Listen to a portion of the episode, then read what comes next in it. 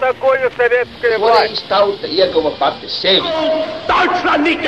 Liktenīgas nejaušības un slēptas likumsakarības, subjektīvas patiesības un objektīvi aizspriedumi.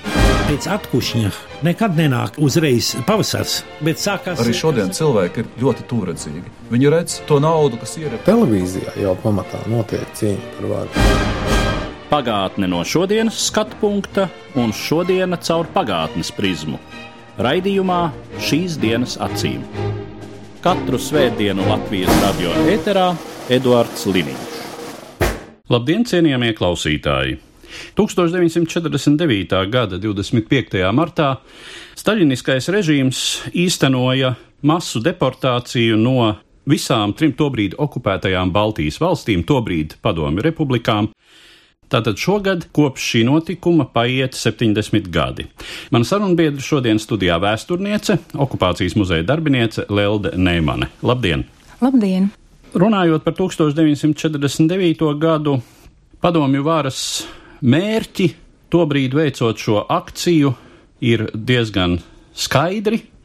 Tobrīd Baltijā joprojām turpinās pretošanās cīņa, joprojām nav izdevies izskaust Nacionālo partizāņu kustību, diezko neveicas ar kolhozu sistēmas izveidošanu, un vara mēģina šo teritoriju, tā sacīt, iztīrīt no tiem, kuri tai traucē. Tātad tie, kuri atbalsta nacionālos partizāņus, vai arī ir bijuši šīs kustības dalībnieki, vai par to ir aizdomas, vai arī vienkārši pēc tādiem vai citādiem ieskatiem ir, kā toreiz tas tika definēts, sociāli bīstami elementi. Bet uh, droši vien mums būtu jāsāk ar to, kādi bija konkrēti tie kritēriji un uh, kā notika šo kritēriju piemērošana. Kas bija tie, kuri lēma par konkrēto cilvēku, konkrēto ģimeņu izsūtīšanu, ieskaitīšanu tātad šai kulaku kārtā, Sākumā es noteikti vēlētos apgāzt mītu par to, ka ļoti daudz cilvēku domā, ka vietējie varas pārstāvi sastādīja šo sarakstu. Tā noteikti nebija. Viņi varēja veikt pēdējā brīdī kādas korekcijas, tad, kad ņēma un kāds nebija mājās, un kādu vajadzēja paņemt cita vietā. Bet šo saraksti tapa centralizēti jau laicīgi slepenībā un uh, drošības iestāžu uzraudzībā pārsvarā šie saraksti tika sastādīti pirmkārt no datiem par uh, tautas skaitīšanu, gan arī apraksti no vēl Latvijas brīvvalsts laika par katru saimniecību, lielsaimniecībām. Līdz ar to, ja mēs tieši par lielsaimniecībām un cilvēkiem skatāmies, bija tādi gadījumi, ka meklē cilvēku, kas jau sen ir miris izsūtīšanas laikā. Protams, kaut kādas korekcijas pēc kara ir ieviesuši, un arī pēc kara ir kaut kādas skaitīšanas vai pagastu atskaites, kāda cilvēka dzīvo, bet to noteikti vienpersoniski nelēma pagastos uz vietas. Otra lieta ir drošības iestādēm bija zināmas tā saucamās nacionālistu ģimenes. Bija krimināla lietas, bija datu uzskaite, un arī pa pagastiem, ja viņi nemainīja dzīves vietu, viņi varēja sazīmēt radiniekus, brāļus, māsas, vecākus, šiem cilvēkiem, tiem saucamiem nacionālistiem, un arī viņus varēja iekļaut sarakstā. Vietējie praktiski vairāk par šo akciju uzzināja tikai pāris dienas iepriekš. Jo tā tiešām bija no Maskavas organizēta speciāla sistēma, lai nenoplūstu informācija. Viņiem arī neizdevās izsprukt no tā, ka informācija noplūda 24. vakarā, un tāpēc vairākos pagastos un vairākās vietās tas bija atkarīgs atkal no kompartijas vai šo ierēģņu cilvēciskās puses, ka viņi paziņoja saviem draugiem vai paziņām. Un tādā ziņā varbūt kāds arī aizbēga, ja uzskatīja, ka to var. Tagad tas būtu tas svarīgākais.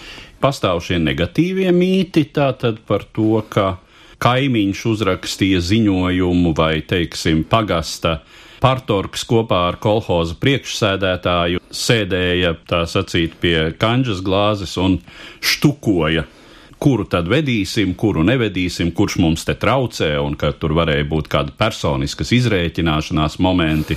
Un no otras puses ir šie pozitīvie mīti, kas pat ir eh, fiksēti tādos populāros avotos, piemēram, par lielvārdi, ka lūk, tur nav vispār neviena ģimene izvesta, un tas tiek saistīts ar to, ka lūk, leģendārais kolhoz priekšsēdētājs Kauliņš esot paglābis. Vecpiebalgā arī nosacīti mazāk cilvēkus izveda nekā bija varbūt plānots. Ir vairāk pagast. Bija gan tā, gan tā nu, nav melns vai balts, un vēsturē nav melns balts, šodien arī mums nav melns balts, un vispār cilvēku sabiedrībā un cilvēki mēs neesam melns un balts. Vēsturē vienmēr ir nosacījumi un papildu cilvēciskie faktori. Jā, un starp citu tādi subjektīvi faktori vai niansēti faktori ir jau arī augstākās varas līmenī, un ja mēs tā spriežam, nu, teiksim, no lielvārdes nevienu neizveda, varbūt tāpēc, ka tur jau sekmīgi veidojās kolhos. Un uh, varēja būt tāds uzstādījums, ka lūk, no turienes mēs neizvedam, lai parādītu, ka tur, kur padomju vāra un padomju kolhozu sistēma sekmīgi nostiprinās, tad tur mēs neveicam šīs eh, represijas. Uzklausot jūs, man rodas jautājums, cik vispār šī tēma Latvijas historiografijā ir izpētīta. Ļoti lielu pētījumu veica Latvijas valsts arhīva darbinieki, tad, kad viņi sagatavoja jau šīs biezās grāmatas ar deportēto cilvēku sarakstiem un ļoti smalku pētniecību arī ar skaitļiem un datiem.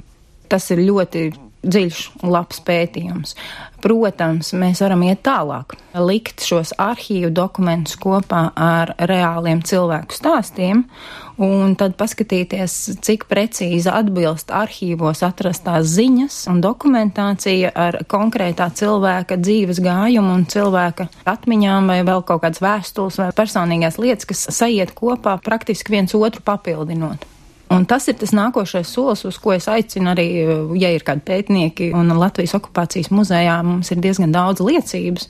Ja mēs minam to, ka mums audiovizuālo materiālu krātuvē ir 2400 liecības, video liecības, tieši video intervijas, tad no šī skaitļa ir tieši 49. gadā, 25. martā izsūtītie cilvēki ap 900. Tie ir gan sievietes, gan vīrieši, gan bērni, Tā kā ir materiāls, ir bāze, uz kā var balstīties tālākos pētījumos. Cik daudz atmiņu jūs joprojām ierakstāt, ievērojot, kā šo cilvēku mūsu vidū kļūst arvien mazāk? Šobrīd mēs turpinām ierakstīt atmiņas, vienīgais tā kapacitāte nav pārāk liela, jo nāk papildus pētījumu lauki un papildus tēmas, kas ir aktuālas šobrīd sabiedrībā saistībā gan ar atvērtajiem čekus maisiem, gan ar sabiedrību un disidentiem un, un, un pretošanās kustību 70. un 80. gados, kurā arī liecinieki aiziet, diemžēl, viņa saulē. Mēs esam divi intervētāji, un līdz ar to varbūt nav tik intensīvi, kā mēs vēlētos. Bet no otras puses, tas ir ļoti labs laikmets šobrīd, ka mums ir ikvienam vieta tālruņi mobīlie telefoni vai kameriņas, un mēs ik viens radinieks, brāļi, māsas, bērni, mēs varam doties pie mūsu vecvecākiem, kas ir bijuši Sibīrijā, pieredzējuši to visu, pieiet pie viņa un palūgt, lai viņš izstāsta savas atmiņas, lai paliek dzimtai un novadu vēsturei, un varbūt arī okupācijas muzeja vēsturei. Jā, un te ir jāuzsver, ka tam jau nav jābūt nekādam profesionālam ierakstam. Galvenais jau ir tas saturs, tas, ko šis cilvēks atceras faktoloģiski, emocionāli un tā tālāk. Protams, gadu gaitā strādājot, mums ir savs profesionālais skatījums arī, un no līdz ar to tās sarunas, kas ar mums norit, mums ir video aparatūra arī piemērota, lai varētu izmantot filmām un dažādu veidu nepieciešamībām, bet um, jebkurā gadījumā liecība paliek liecība, un ja cilvēks ieinteresējas, mēs varam nokonsultēt, kādus jautājumus noteikti pajautāt. Un tas ir iespējams. Jā, mēs esam ļoti pretīm nākoši. Atgriežoties pie šī represiju mehānisma, jūs arī nu pat piesaucāt šo slideno un šobrīd ļoti aktualizēto čekas maisu tēmu, kas manī vedina jautāt, ja mēs tā novērtējam atbildības līmeni par šiem noziegumiem. Jā, protams, okupācijas vara, kas noteica to, ka vispār šādas represijas notika, un arī šo represiju raksturu, bet eh, vietējā tobrīd eh, padomju Latvijas kompartijas elite, nu un tad zemāko līmeņu padomju struktūru darbinieki, vai mēs varam tā vispārināti tomēr definēt viņu atbildības līmeni par to, kas notika? Te jau mēs pārējām uz to personīgo cilvēku atbildību, kādu lomu, kādu dzīves ceļu viņš izvēlējās dzīvojot šādos apstākļos. Vienmēr cilvēkam ir kaut kādi atslēgas notikumi dzīvē, kāpēc viņš strādā, pieņemsim, drošības iestādēs, kāpēc viņš kļūst par ziņotāju vai kāpēc viņš otrā pusē nostājās. Tā ir tā personīgā atbildība, bet to personīgo atbildību arī mēs nevaram vienkāršot, diemžēl, jo tīri cilvēciskajā līmenī ir mums liecības, kur tiešām eh, tie saucamie nacionālās pretestības kustības dalībnieki dažkārt bija nežēlīgi. Un mēs nevaram to noliegt, lai arī tas bija par taisnu tiesu. Un arī dažkārt atkal ieslodzījumā ir tādi cilvēku varas vīri, kas ir cilvēcīgi un ļauj malku ūdens vairāk padzert un ielpot svaigu gaisu. Katra cilvēka atbildība sevis priekšā savas dzīves priekšā, jo mēs neesam tie soļi.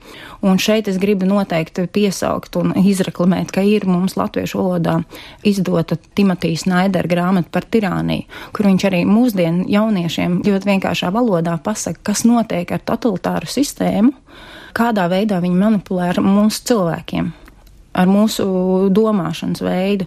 Un ja mēs esam šis birokrāts, Mums pat nav jābūt komunistiskā partijā, bet ja mēs parakstam to papīru un nododam pareizām instancēm, mēs esam izdarījuši atkal to ļauno darbu. Un tā ir tā personīgā atbildība pašam turēt acis vaļā šeit un tagad, arī tajos laikos, un tad pieņemt to lēmumu, vai es teikšu, vai es neteikšu, kur es iešu, ko es strādāšu. Protams, okupācijas varās strādājošiem ir atbildība, un tas ir noziegums pret cilvēci es negribu viņus attaisot nevienā mirklī. Protams, ir šīs individuālās izvēles, un vēlreiz uzsverot to, ko jūs sakāt, totalitārā sistēmā cilvēkam bieži vien šīs izvēles ir daudz grūtākas, un to nepieredzējušiem vispār ir iespējams grūti iedomāties, cik reizēm grūti ir atrast izēju un palikt šīs sistēmas neaptraipītām un nepiedalīties. Un ir situācijas, kad īsti pat nevar nepiedalīties, vai arī tad tur riskē savukārt ar savu, ar savu tuvinieku likteni. Tas liek runāt par to, cik viegli šai sistēmā atrodoties un šīs sistēmas varā esot, bija kļūt noziedzniekam, kļūt līdzatbildīgam sasaistot ar 25. marta deportāciju, tas ir zināms, ka ikvienam, kas tika izsūtīts, ne visiem piedāvāja, bet katrā sovhozā vai katrā ciemā, kur tika izsūtīti latvieši, noteikti komendatūrā meklēju vienu cilvēku, kas sadarbosies un kas ziņos par pārējiem. Un tas bija gan izsūtījumā, un tas bija arī pēc atgriešanās, jo tie cilvēki, kas ir vairāk cietuši, viņi mēģināja tieši spēlēt uz viņu jūtām, uz to, ka viņam ir bezizējas stāvoklis. Un bija dažādi cilvēki, ne jau visos ciemos, kur bija latvieši, kādu arestēja. Bija gadījumi, kur, diemžēl, nodeva un arestēja un bija tiesas prāvas par to, ka vienkārši dziedāja dziesmas un nacionālists. Bet e, bija tādi paši kolhozi, kur nevienu neapcietināja, viņi tāpat dziedāja, un viņi zināja, kas ziņo par viņiem. Ja tā sistēma tāda ir, tad varbūt labāk ir dažkārt, ka tas cilvēks mums pasaka, ka viņš būs ziņotājs, viņš ir izvēlējies, tā manā klātbūtnē lūdzu nerunājiet, nedziediet. Bet jūs nezināt, ka esmu ziņotājs. Tas ir kā kurā vietā to atrisināja. Bija dažādi gadījumi. Un tas atkal ir atkarīgs no kādiem cilvēkiem. Tā tad atkal te nav melnbaltu situācija. Nav melnbaltu. Un jāatcerās arī tas, ka bieži vien varas iestādes gribēja savērvēt spilgtākos pārstāvis, gudrākos, tie, kas gribēja izrauties, kas gribēja vairāk izglītību gūt, vairāk strādāt, kaut ko vairāk dzīvē sasniegt. Un tieši tos cilvēkus gribēja vairāk salauzt, un tad meklēt to, ja tu gribi izrauties, tad kāda cena un par ko. Un nevienmēr tas, ka tu esi parakstījis to dokumentu, vienmēr bija augsta cena. Tas ir tava personībā, varbūt sirdsapziņa vai vainas sajūta, bet dažkārt varbūt tieši realitātē tu neko ļaunu nenodarīji, bet dažkārt ar lielu ļaunumu nodarīt. Es strādāju ikdienā ar cilvēku dzīves stāstiem. Mēs intervējam, un nav vienādu cilvēku, nav vienādu raksturu.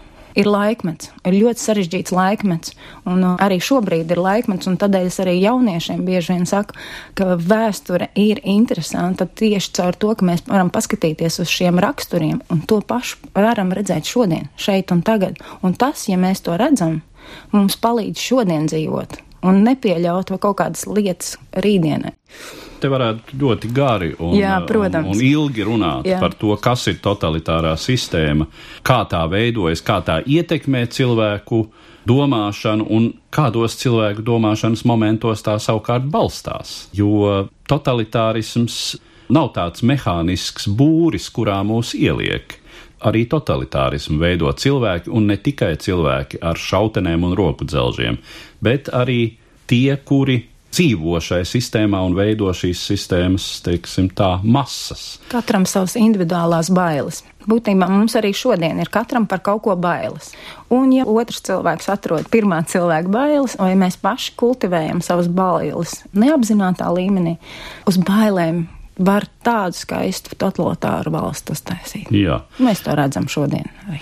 Kas, teiksim, ir baiļu antitēze un princips, kurā balstās demokrātiskas sistēmas, tā ir cilvēka atbildība. Un cilvēka pastāvīga līdzatbildība par sabiedrību kopumā, savukārt totalitārā sistēma ļauj no šīs atbildības atbrīvoties, radot ilūziju, ka tavā vietā var atbildēt kāds cits, ka tavā vietā jau atbild vadonis, vai viņa vietnieks, vai vietnieka vietnieks, un tu vienkārši pildi pavēli, vai vienkārši citādi nevari. Tā ir taisnība. Atpakaļ pie 49. gada deportācijām, kāda bija tā situācija tur, kur um, izsūtītie nonāca?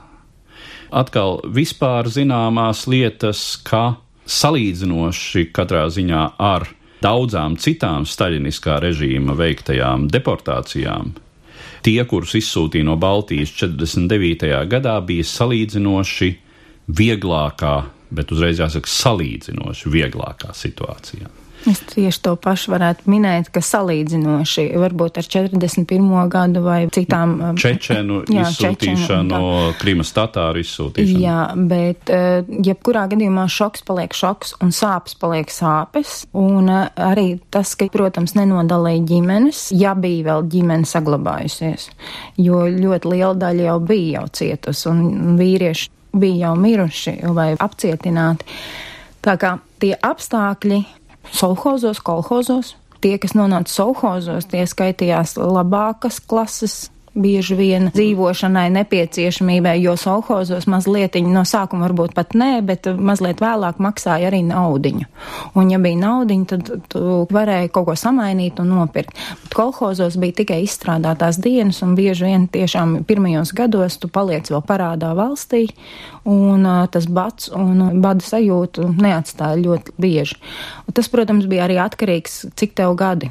Ja tu esi darba spējīgā vecumā un tev nav apgādājumu, tas ir iespējams varbūt labāk. Un, ja ir vēl izglītība, pieņemsim, medicīnas māsas, uzreiz medicīnas personāls ir nepieciešams slimnīcās. Bet parastais darba strādnieks šoks jebkurā gadījumā. Starp citu, droši vien ne visi mūsu klausītāji vairs zina un atceras, kas ir Sauhos un kas ir kolhos. Tātad Sauhos tas ir valsts lauksaimniecības uzņēmums, un kolhos tā ir kolektīvā saimniecība, kas teorētiski ir visu tajā dzīvojošo un strādājošo kopējs īpašums, lai gan būtībā pēc attiecībām ar padomju ekonomisko sistēmu lielas atšķirības starp sovhoziem un kolhoziem nebija. Un bija visā Padomju Savienībā gan kolhozi un sovhozi, kur cilvēki dzīvoja tādu vai citādu, bieži vien atkal subjektīvu iemeslu dēļ labāk, pārticīgāk, un tā sistēma bija kaut kā drusku sakārtotāka, un tur droši vien bija nozīme kādam sekmīgākam vadītājam. Jā, jums pilnīgi taisnība, jo arī tas dokumentos parādās un arī Latvijas valsts arhīva pētījumā, kā kur um, pašvaldība, pieņemsim laicīgi, viņiem jau Sibīrijā pašvaldībā, šiem kolhoziem, solhoziem, ciemiem, ciem izpildu. Ciema padomēm. Jā. jā, tad, tad viņiem ziņoja, ka pienāks šī cilvēku krava, tieši tā viņa arī rakstīja krava un ka jūs varēsiet izvēlēties. Un vienīgais, kā kurš bija sagatavojies, bija cilvēki, tie gan bija reti, kas bija kolhozi, jeb solhozi sagatavojušies un padomājuši, kurā vietā viņus izmitināt. Bieži vien nebija padomāts, kur viņus izmetināt, un tad sākumā tā kā klubā viens uz otru, kā saka, saspiež, un tad piespiedu kārtā vietējiem iedzīvotājiem jāņem pie sevis konkrētas ģimenes. Un par kādu draudzību mēs varam runāt, kādu draudzīgu pieņemšanu mēs varam runāt, ja tev piespiedu kārtā liek, tagad tev tavā mājā jāpieņem ģimene vai divas ģimenes, seši cilvēki vai septiņi cilvēki, kas jau ir tāpat tās maza mājiņa bieži vien Sibīrijā tur nav tik vienkārši tie apstākļi. Un līdz ar to tas sauciens par fašistiem un pēckara leksikā tas bija ļoti izplatīts. Protams, ka tie bija fašisti, tie bija ļaunie, tie bija ienaidnieki. Nu, un var jau saprast, ja vārda tiešā nozīmē daļu tavas mājas tev ir jāatdod, nu, teju tā kā okupācijas situācijā. Cik vispār parādās šais atmiņu stāstos atkal dažādas nianses tajā, kā notika šī tā vai citādi sadzīvošana ar vietējiem, un vai tur ir kādas reģionālas atšķirības, vai tur parādās kādi varbūt eh, ticības vai etniskie momenti, jo, nu, kā zināms, Sibīrija arī etniski nav gluži viendabīga teritorija. Protams, ir mazliet savādāk stepju rajonos tie, kas nonāca apgabalos un kas bija stepju rajonu, vai arī, pieņemsim, tālāk atkal meža rajonos vai Amūras apgabalā arī nonāca meža rajonos. Tad ir atšķirība tīri sadzīves jautājumos, bet cilvēciskā jautājumā mēs pat nevaram arī izveidot kaut kādas sakritības, jo tajā pašā apgabalā tikai blakus citā kolhozā, solhozā ir atkal cita attieksme, citi vadītāji, un tādēļ pat dažkārt bija tādi gadījumi, ka centās cilvēki rakstīt iesniegumus, lai atļauj viņiem pārvietoties laika gaitā uz citu kolhozu, bet nu, tas praktiski nebija iespējams. Ja tu biji ģimenes loceklis, pieņemsim, atsevišķi izsūtīt brālis ar savu ģimeni un māsu ar savu ģimeni vai māsu ar vecākiem, tad tas varbūt dažkārt bija iespējams, ka tu no tā sliktākā kolhoza var pārvietoties pie brāļa ģimenes, varbūt uz solhozu vai kaut kādiem labākiem apstākļiem. Bet eh, praktiski Tas bija arī atkal cilvēcisks moments, cik ātri un kādus cilvēkus satiek pretī, kā tu strādā, kā tu iedzīvojies, vai tevi līdz pat atbrīvošanai sauc par fašistu, vai tevi sauc tikai pirmajos gados un beigās pieņem tavu darbu, ciena un pieņem kā līdz cilvēku. Kā zināms, starp 49. gada martu un 53. gada martu, kad uh, padomju diktators Staļins beidz savas šīs zemes gaitas, tie četri gadi. Tas ir arī, ja mēs skatāmies uz citiem šiem padomju masu represiju gadījumiem, salīdzinoši īss laika posms. Taču, protams, tūdaļ jau nekāda atbrīvošana nenotiek. Un tas arī ir vairākus gadus ilgs process, kad sākas atgriešanās, cik tā ir uh, raita, cik tā atkal jau ir vienkārša un uh, kādas ir iespējas atgriežoties šeit, atgriezties savā mājā, atsākt daudz maz tādu pašu dzīvi, kāda tā ir bijusi pirms izsūtīšanas. Pirmā lieta bija 1954. gadā lēmums par to, ka drīkstēja atgriezties nepilngadīgie bērni, kas bija uz izsūtīšanas brīdi nepilngadīgi bērni. Tātad tie ir dzimuši 38. gadā un jaunāki bērni. Jā, piebilstot deportācijas brīdī, teorētiski nepilngadīgajiem tika pieļauta iespēja nedoties līdzi, teiksim, izsūtāmiem vecākiem, taču praksē šis princips praktiski nekur netika ievērots. Ne, un ne, izsūtīja visu ģimeni, jebkurā gadījumā. Ja. Un tad, tad pirmais lēmums bija tas, ka šos nepilngadīgos bērnus atbrīvoja, bet tajā pašā laikā tas, protams, ir interesants jautājums. Atbrīvo bērnu, bet vecākus vai māsas brāļus neatbrīvo. Un tad eh, tas jautājums, vai tiešām tas bērns viens pats brauks uz Latviju. Bija gadījumu diezgan daudz, kad vecāki uzdrīkstējās un atvadījās un sūtīja pie radiem Latvijā, ja radi bija ar mieru, viņi pieņem to bērnu uz latviešu skolām, sākt mācīt jau latviešu valodu, atgriezties tā kā dzimtenē, ar cerību, ka arī viņus atlaidīs. Tas bija pirmais. Otrais bija vientuļie vecie cilvēki. kuriem nebija apgādnieki. Tas ir 1955. gads. Arī tiem sāka ļaut atgriezties, pieņemsim, ja ir meita vai dēls un dēla ģimenē Latvijā, kas viņus var uzturēt un viņu pierāda to, tad viņiem ir iespēja atgriezties Latvijas teritorijā. Un tad tikai nāk pilnās ģimenes. Vislielāko skaits ir atbrīvoto 1956. 57. gads. Visvieglāk iet ar tā saucamajām kulaku ģimenēm, tās ir lielsaimnieki bijušie. Tur pārāk nerakņājās viņu dzīvēs. Viņiem līdz ar to diezgan viegli dod atļauju un arī atļauju atgriezties Latvijā. Bet grūtāk iet tā saucamām nacionālistu ģimenēm. Jo, ja viņiem ir pierādīts, ka viņi ir atbalstījuši nacionālos partizānus vai ģimenes loceklis ir eh, notiesāts, arestēts un, un nav vēl rehabilitēts, pirmkārt viņiem nedēļu noņemšanu no speckomendatūras ļoti ilgi. Tad vēlāk, tad, kad jau nevarēja izvairīties no tā 58. 59. gadā, viņus noņēma, bet ar nosacījumu, ka viņi nedrīkst atgriezties. Un tas bija ļoti liels trieciens vairākiem cilvēkiem. Pēc atgriešanās Latvijā šis traips padomju cilvēka biogrāfijā. Tātad, cik nopietnas sekas tas radīja tiesību, apmešanās vietas, profesijas izvēles, izglītības ziņā. Jo tu gribēji iet tālāk, jo tu gribēji būt redzamāks, jo tu gribēji vairāk strādāt, vairāk sasniegt, kaut kur būt vadītājs vai skolotāja vai kādā amatā.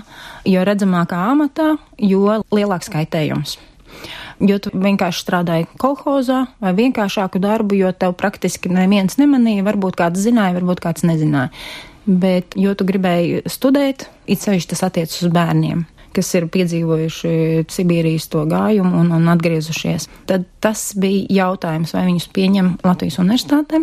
Dažkārt, lai apietu Latvijas universitāti, cilvēki stājās, pieņemsim, Ļeņingradas vai Maskavas universitātēm bija filiāls Rīgā, kaut kādi kursi, tad viņi varēja pieteikties uz tiem, un tur varbūt tik ļoti nepārbaudīja viņus.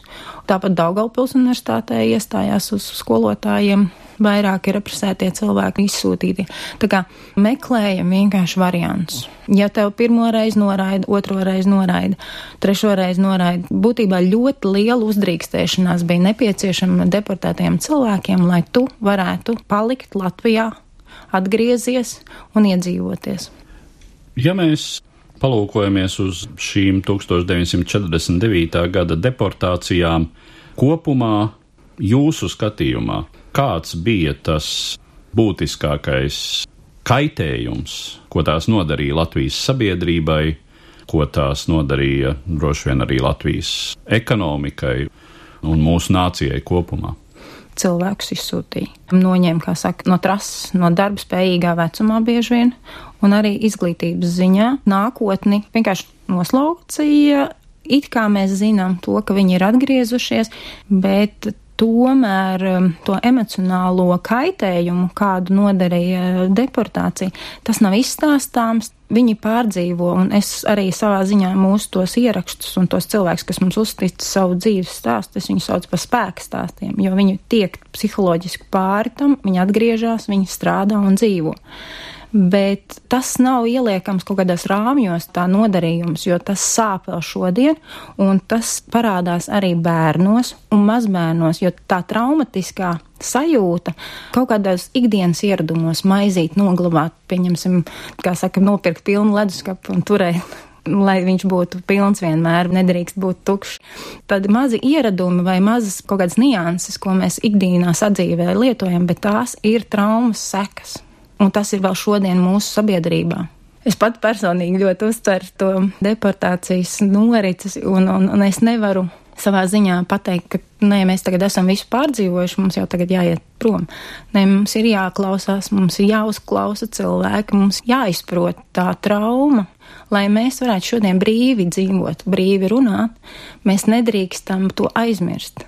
Mums nav jādzīvot tādīs traumās un sērās, bet mums ir jāizprot ar savu šodienas skatījumu, lai mēs būtu brīvi šeit un tagad.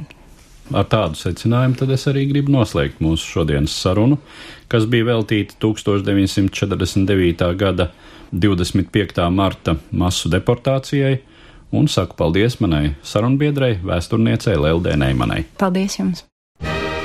Katru svētdienu Latvijas radio viens par pagātni sarunājas Eduards Līniju.